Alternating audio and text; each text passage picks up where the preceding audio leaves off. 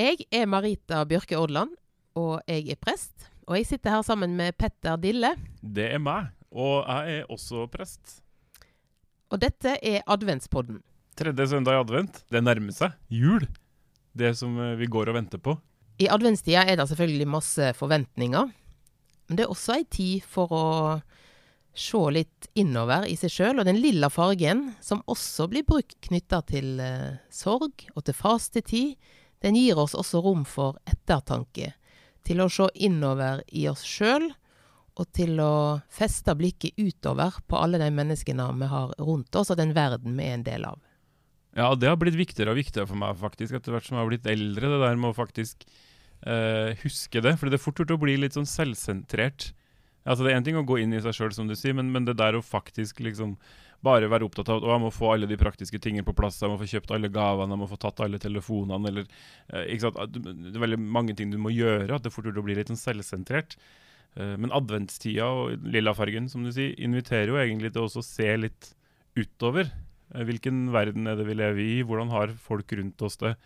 Både lokalt, men også, også globalt. Og Jesus møtte jo alltid mennesker i ansiktshøyde, ansikt til ansikt, og var interessert i deres fortellinger, deres forhold til seg sjøl og deres forhold til fellesskapet. Og det skal vi også snakke litt om i dagens episode. Ja, for i dag får du jo besøk av Brynjulf Jungkjønn. Hva skal dere prate om? Vi skal snakke om forfatterskapet hans, og spesielt den siste boka, som heter 'Hvit norsk mann', som er ei diktsamling som har skapt begeistring, entusiasme, debatt og mange gode samtaler om å være adoptert og se annerledes ut i Norge i dag. Og så skal dere jo snakke litt om advent og, og jul. Um, så lurer jeg, da. To vestlendinger som skal snakke om jula. Um, blir det noe pinnekjøttprat, tror du? Ja, det blir i hvert fall ikke noe ribbeprat. da går jeg og henter Brynjulf, og så setter vi i gang.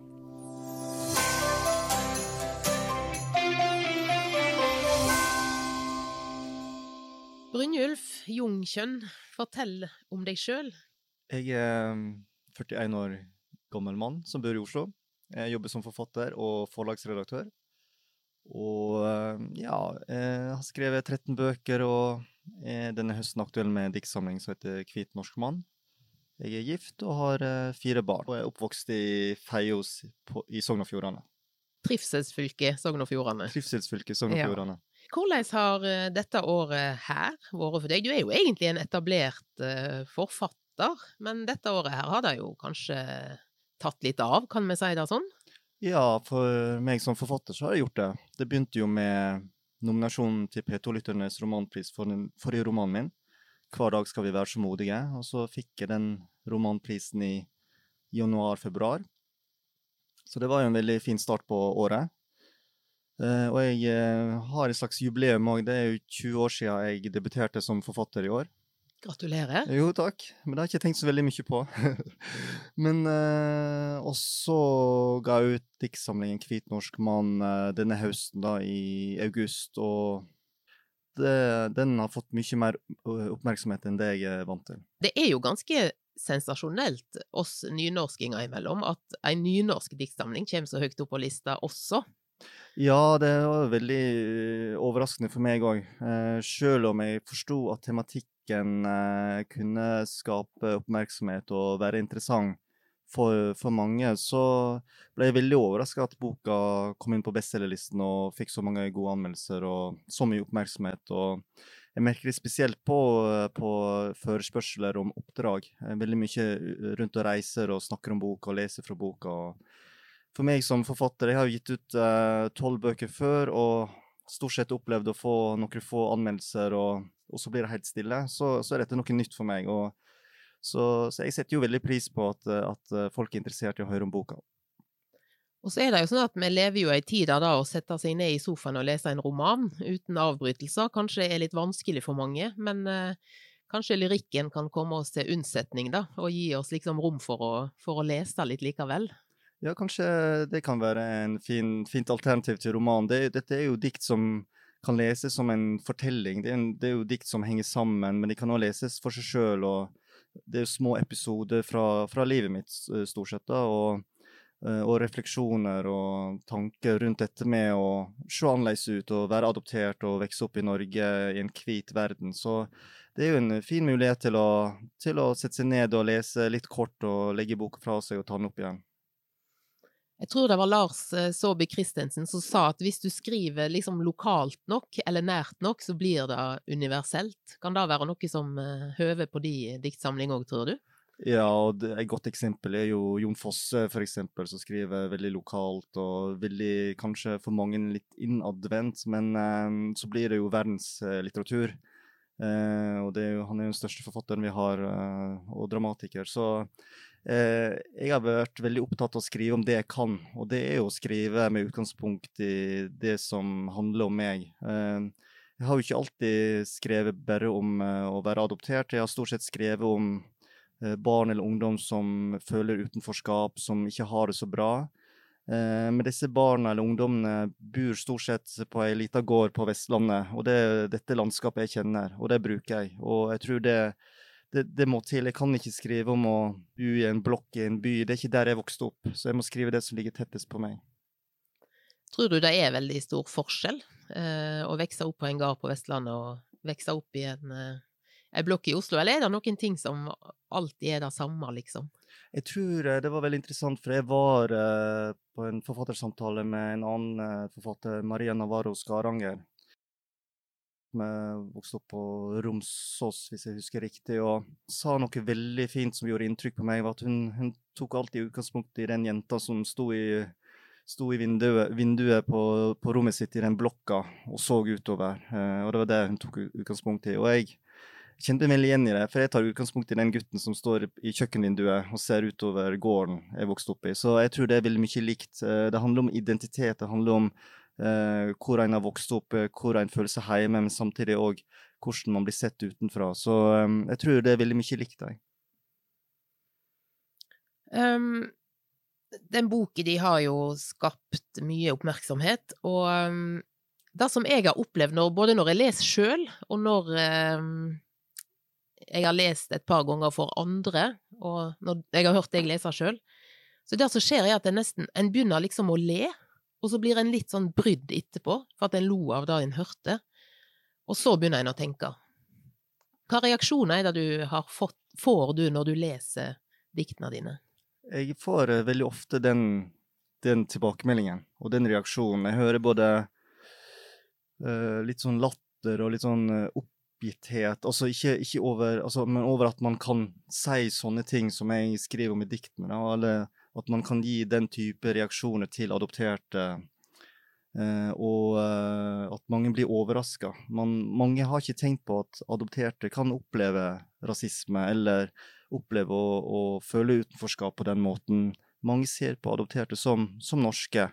Eh, så det er en ganske eh, vanlig reaksjon jeg har fått, at her er det både humor og eh, alvor. Og så at, at jeg på en måte lokker leseren ut, og at de holder på å le. Og så merker jeg at det er en alvor her, da. Og det ligger nok litt i det at jeg opp gjennom livet mitt ikke har tenkt på dette som rasisme eller som noe som er feil. Jeg har tenkt på dette som situasjoner som jeg som adoptert bare må godta. Og så har jeg brukt det ofte som en slags ja, skal jeg si, en, en morsom historie som jeg har fortalt til vennene mine eller andre. At uh, vet du hva jeg opplevde, den og den personen sa det og det til meg. Men det er først nå, nesten når jeg ble 40 år, at jeg har skjønt at dette er jo situasjoner som ikke er greit. Så det er jo først når andre adopterte har fortalt om lignende situasjoner og sagt at dette er rasisme, dette er fordommer, at jeg har skjønt ja, men det jeg har opplevd i 40 år, det, det er kanskje rasisme. Det er en setning som jeg har lagt spesielt merke til i boka di, det er et dikt, og da er denne setningen her. Sjølv born med smale auge kan sjå når vaksne lyg. Og den setningen der, den forteller meg på et eller annet vis at her ligger det jo en sånn Her er det en historie, noe som har gjentatt seg og fulgt deg, da, fra du egentlig var ganske liten. Mm.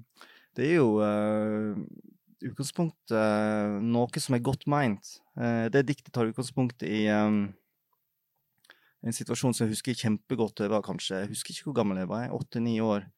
en av få ting jeg husker veldig godt, det var um, foreldre til andre barn i, i, der jeg vokste opp, som, som for å være snille rett og slett sa til meg at um, Brynjulf, vi tenker ikke over at du ser annerledes ut lenger. Du ser like norsk ut som alle andre. Du, du, du ser helt uh, norsk ut. Helt, uh, og for meg så var det ganske absurd, for jeg var jo veldig klar over at jeg så ikke norsk ut. Jeg så ikke hvit ut. Jeg så ikke ut som alle andre. og det var vel omtrent på den tiden når jeg, jeg skjønte, når jeg gikk rundt uh, hos de andre der jeg vokste opp, så oppdaget jeg at på veggene så hang det jo bilder av når uh, vennene mine var akkurat nyfødte sy fra sykehuset. Og for meg så var det en sånn lengsel, eller det var en forsterkning av utenforskap, da. At uh, jeg har jo ikke bilder av meg sjøl som nyfødt. Jeg har ikke noen bilder av meg sjøl for de to-tre første årene av livet mitt i, i Norge.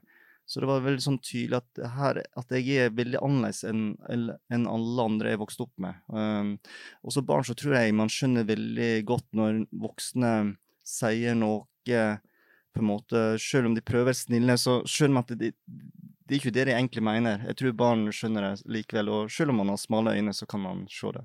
Og så blir det på en måte bare verre når, når, de sier det òg. Ja, og jeg tror grunnen til at det sitter sånn i meg, at hvis det hadde vært noe veldig hyggelig, så tror jeg kanskje en hadde Eller hvis jeg hadde følt at det var veldig fint for meg, så hadde jeg kanskje glemt det. Men, men for meg så var det noe som har sittet igjen eh, hele livet, altså i, i 30 år. Er det noen som har sagt deg at kanskje du skal legge dette bak deg nå? Har dette vært en reaksjon som du har fått, nå når det har vært så mye om det, hvis jeg kan spørre om det? Ja, det, en det er en reaksjon jeg frykta litt. Ja. Frykta litt dette med har jeg egentlig hatt det ille nok? Ja. er jeg eh, nok utsatt for rasisme? Er jeg Jeg har jo Jeg lever jo i dag, jeg er jo 41 år og, og lever et privilegert liv i Oslo og har familie og god jobb og får gjøre det jeg liker aller best, det er å skrive bøker og sånn at uh, jeg har oppnådd de tingene i livet jeg, jeg har ønsket, utenom én ting, og det er å være som alle andre. Å mm. se ut som alle andre. Og det er jo derfor jeg har kuratert livet mitt og jobba veldig hardt for å prøve å være mest mulig som alle andre, eller det, eller det bildet jeg har, da, som jeg ønsker å være. Sånn at jeg har hele livet vært, opptatt av hva slags klær jeg går i. Um, hvor jeg bor, altså hva slags type hus, hvor, hva slags område jeg bor i Oslo, hva slags bil jeg kjører. Vært veldig opptatt av det ytre, fordi det kan jeg gjøre noe med utenom uh, selve utseendet mitt. da. Sånn at um, det er en reaksjon jeg, jeg, jeg eh, frykta litt, at, at, boka skulle bli avfeid. Mm. Uh, og det ville gjort veldig vondt, fordi um, man som forfatter, når man sitter og skriver, og spesielt når man skriver så personlige og nære ting, så så, så, så, er man òg veldig usikker. Jeg var veldig usikker. Er dette bra? Er dette viktig? Er dette vondt? Er dette alvorlig nok? Sånn at jeg var veldig redd for å, at, at, noen skulle si nei, dette her, nå, nå må du bare gå videre, dette, dette, er ikke viktig nok. Men heldigvis har jeg ikke fått noen sånne reaksjoner. Og jeg tenker jo når jeg leser, Litt av grunnen til at du ikke får det, kanskje, er jo også at du beskriver jo egentlig bare situasjoner. Eh, du skriver ikke egentlig så mye om hvordan du oppfatter den situasjonen, men du beskriver en situasjon som andre har skapt, og dermed så slår det jo på en måte tilbake, da.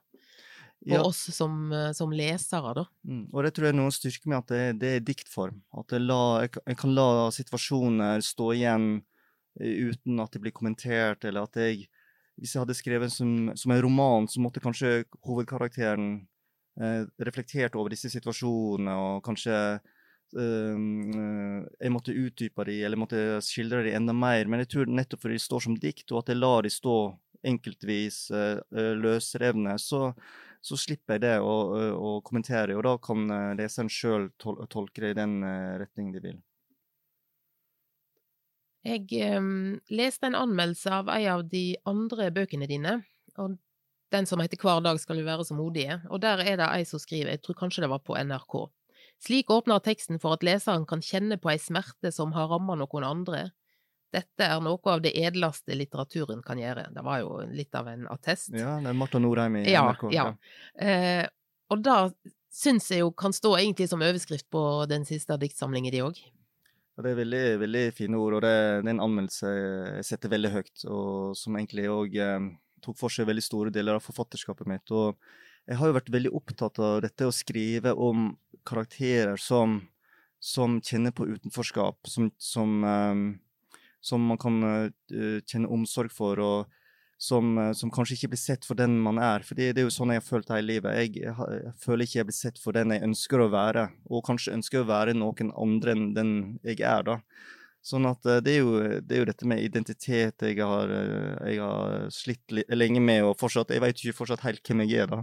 Sånn at um, Men jeg er enig i at jeg, får veldig mange tilbakemeldinger på denne boka her, at um, både fra adopterte som som sier at dette er på en måte boka om livet mitt, selv om de ikke har samme type oppvekst. Eh, altså, Jeg har jo en litt spesiell oppvekst ved at jeg ble henta fra andre delen av verden, og så skal jeg bli plassert i noe av det norskeste som finnes, nemlig å drive et småbruk, være odelsgutt på et småbruk i, på Vestlandet. Eh, men sjøl uten den, eh, den likheten, så, så, får mange tilbakemeldinger fra adopterte at de kjenner seg veldig igjen i, i denne boka her. Men òg fra andre som på en måte er, som føler utenforskap på en eller annen måte. Kanskje har man eh, en forelder fra, fra, utlandet. Kanskje har man eh, en annen type bakgrunn som gjør at man føler seg som Eller som gjør at man er en minoritet, da, og som kjenner seg igjen i mange av disse, disse diktene. Og det er jo utrolig viktig å sette ord på, tror jeg. For hvis alle går og egentlig føles litt utenfor, så betyr det jo egentlig at vi er litt annerledes alle sammen, på et eller annet vis. Ja, og det, det er vi absolutt. Og, og, boka heter jo 'Hvit norsk mann', og det handler jo ikke om at jeg nødvendigvis vil bli hvit norsk mann. Det handler om at jeg har lyst til å bli eh, mest mulig som, som, alle andre, og det tror jeg kanskje mange ønsker å være, eller at man ønsker å være en del av et fellesskap, da. Og at man skal liksom bli godtatt, og det tror jeg store deler av livet handler egentlig om det, at man hele tida jobber opp mot å bli godtatt og bli sett, da for, å, ja, for den man er. Men jeg syns det er ganske modig at du liksom er så åpen på det, når du sier at du liksom kuraterer livet Eller at du, du velger noen ting, da, mm. eh, som er viktige for deg. Ja, altså egentlig litt sånn ytre ting, da. Ja, og eh, ja, det har jeg vært opptatt av fra jeg var ganske ung. Og, og når jeg har sagt det, så, så hører jeg veldig mange andre med som har minoritetsbakgrunn eller flerkulturell bakgrunn, gjør akkurat det samme. Eh, fordi Eh, hvis man er litt mørk i huden, hvis man har innvandringsbakgrunn, så blir man alltid Møter man ofte fordommer på en eller annen måte. Og man kan ikke gjøre noe med hudfargen sin. Man kan ikke gjøre noe med landet man er født i.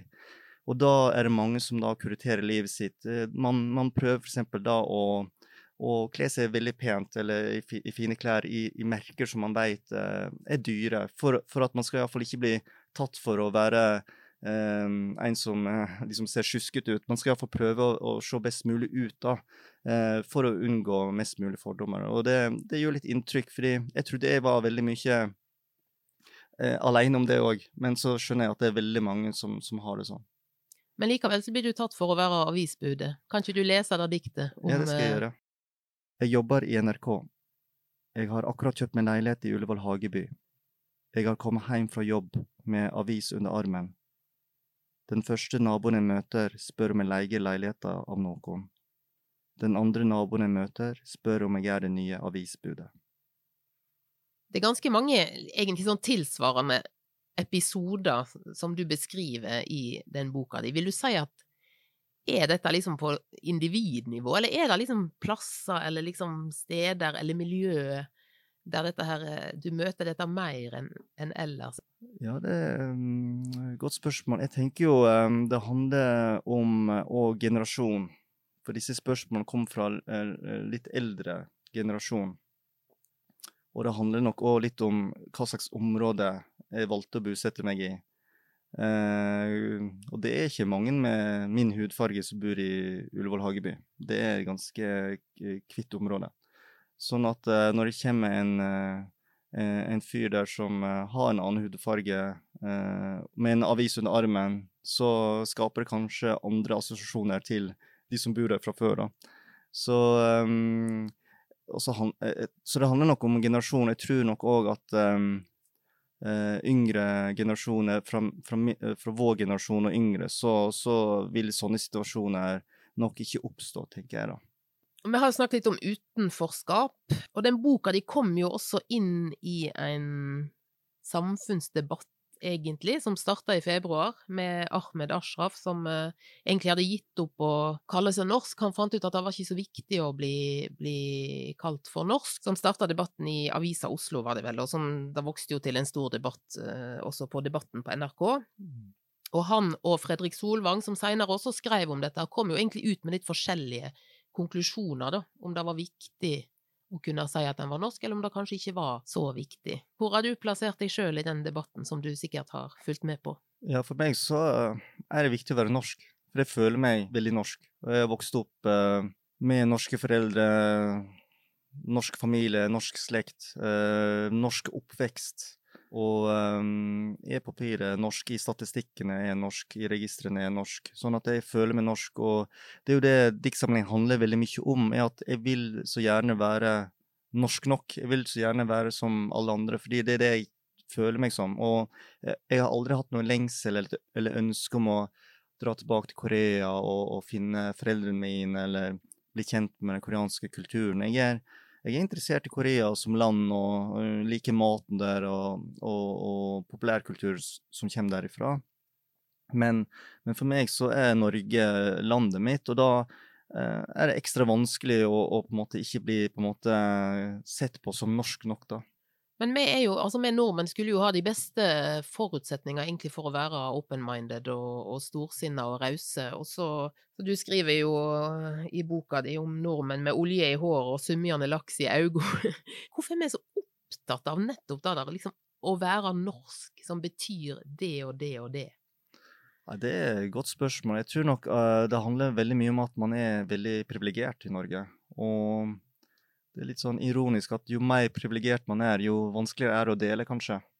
Vanskeligere er å være åpen og fordomsfri. Og uh, jeg hører jo folk si at uh, Norge er verdens minst uh, rasistiske land. Det er politikere som sier det. Og det fins ikke rasisme mot adopterte, og det er ofte privilegerte voksne, men hvite mennesker som sier det. Og må, I Norge må vi få lov til å si det vi vil, vi må få lov til å bruke de ordene vi vil, eh, uten at det kommer noen andre fra andre land og skal si at det ikke er bra. Sånn at eh, eh det er noe med å bo langt oppe i nord og vært veldig avskjerma veldig lenge, eh, og eh, ha en veldig sånn eh, Være opptatt av den norske kulturen, norske tradisjoner, og hegne om det, da og være redd for at dette skal gå tapt.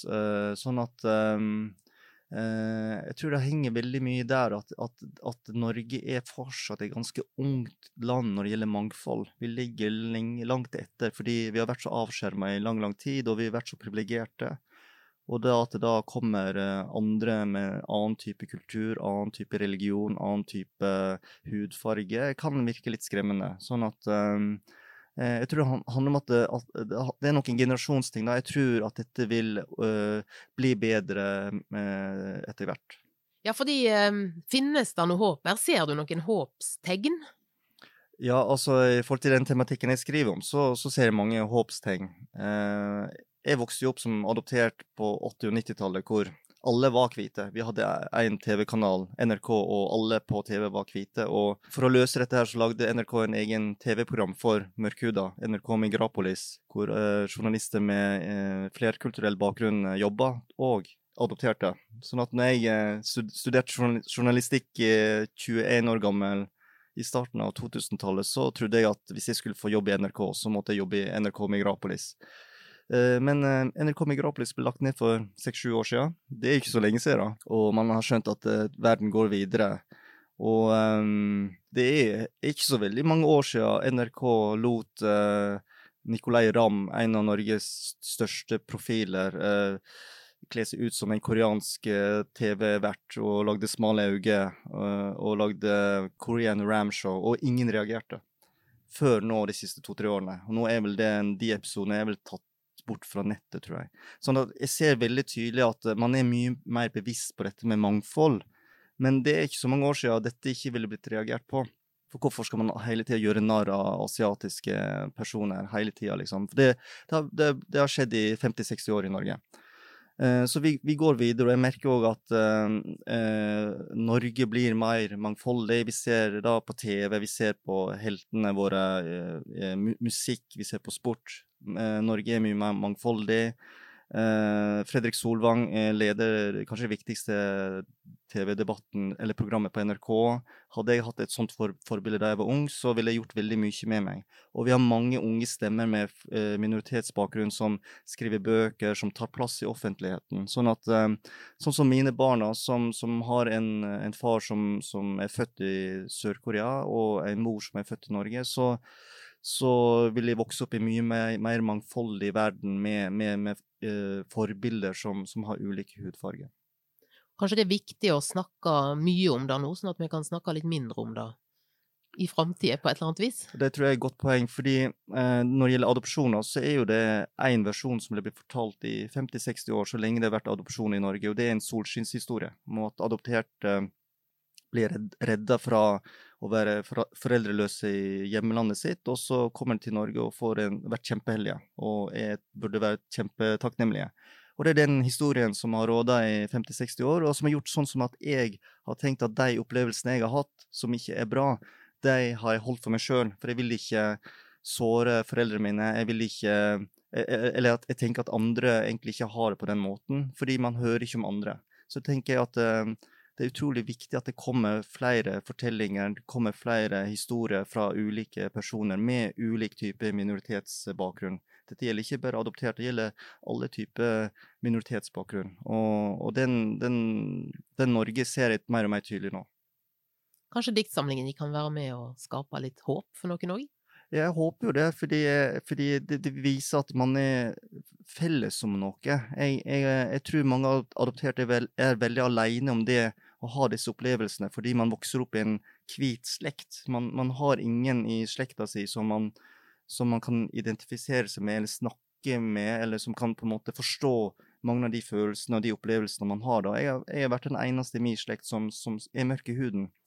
Og da skiller man seg veldig ut, og man, man tenker at man eh, ikke har noe til felles med de andre man, vokser, man, er i slekt med. Da. Sånn at eh, jeg tror det er viktig å, å, å vise at, eh, at man, man, kan være flere som har den type bakgrunn eller opplevelse. Men Brynjulf, det er snart jul. Hva er jul for deg? Hva må til, liksom, for at det skal bli jul? Nei, jeg er jo en familiefar. Jeg har fire barn, og uh, jula er barna sin tid, da. Så det, det handler egentlig bare om barna, egentlig. Og jeg er ikke så veldig opptatt av Eh, jo, jeg syns jo jul, jul, julaften og juletiden er veldig hyggelig og koselig, men jeg, jeg, er ikke så opptatt av å få gaver, og for meg er liksom maten det viktigste. Ja, og da var, det, det var liksom tusenkronerspørsmålet. Ja, ja. fra en vestlending til en annen. Er det pinnekjøtt, det er, eller er det Pinnekjøtt, ja. Så jeg har laga pinnekjøtt siden jeg var voksen og hadde min egen familie. og så, så, det er en viktig del av det. Eh, sånn at eh, Og så er det utrolig viktig å legge til rette for barna. Eh, at de skal ha det veldig fint helt ifra starten av desember til, eh, ja, til julaften. Så, og så er jeg veldig opptatt av at, eh, at julaften skal være hvit på, på, mange måter. At det er barnas jul. Det, det er veldig prinsipp hos oss at da, da, da, man, man drikker ikke alkohol i barnebursdag. Og det jul, julaften er, er, for barna. Ja. Mm. mm. Og det handler litt om å gi det videre òg, de gode, forhåpentligvis, opplevelsene en har hatt sjøl, da. Ja. Og så ta et steg tilbake og si nå er det, skal vi gi det videre, og nå er det barna som, som er i sentrum, liksom. Ja, og uh, veldig spesielt dette her med å kunne skape sine egne tradisjoner med sin egen familie, da. Jeg er jo enebarn, så vi var ofte bare oss tre, da. Jeg og mamma og pappa. og det var fint, det var det jeg vant til, men, men det er jo noe med å liksom være en litt sånn litt stor familie, og man ser at det er masse forventninger, masse glede hos barna. og ja, adventskalendere og julesokk om morgenen, og ha disse faste rutinene, da. Og, og, og, og pinnekjøtt, selvsagt. Og masse godteri og, en, en, del gaver. Pleier du å gå i kirka på julaften? Ja, vi, vi, pleier det. Og nå har vi um, hatt uh, små barn, og det har vært litt sånn vanskelig logistikk, så da har vi av og til delt oss at det, det, en av oss og de største har gått, og så har jeg vært hjemme og passa på pinnekjøttet. For vi hadde én dårlig opplevelse et år. Det var uh, Jeg lot pinnekjøttet uh, være på altfor lav varme, for vi alle skulle i kirken. Så, så jeg må finne ut hvordan jeg gjør den logistikken, så at hele familien kan gå i kirken i år. da. Jeg Ja. Må, ja, så det, det er en liten øvelse. Jeg må ta en telefon til mamma. Hun, Ja, det- hun er veldig flink.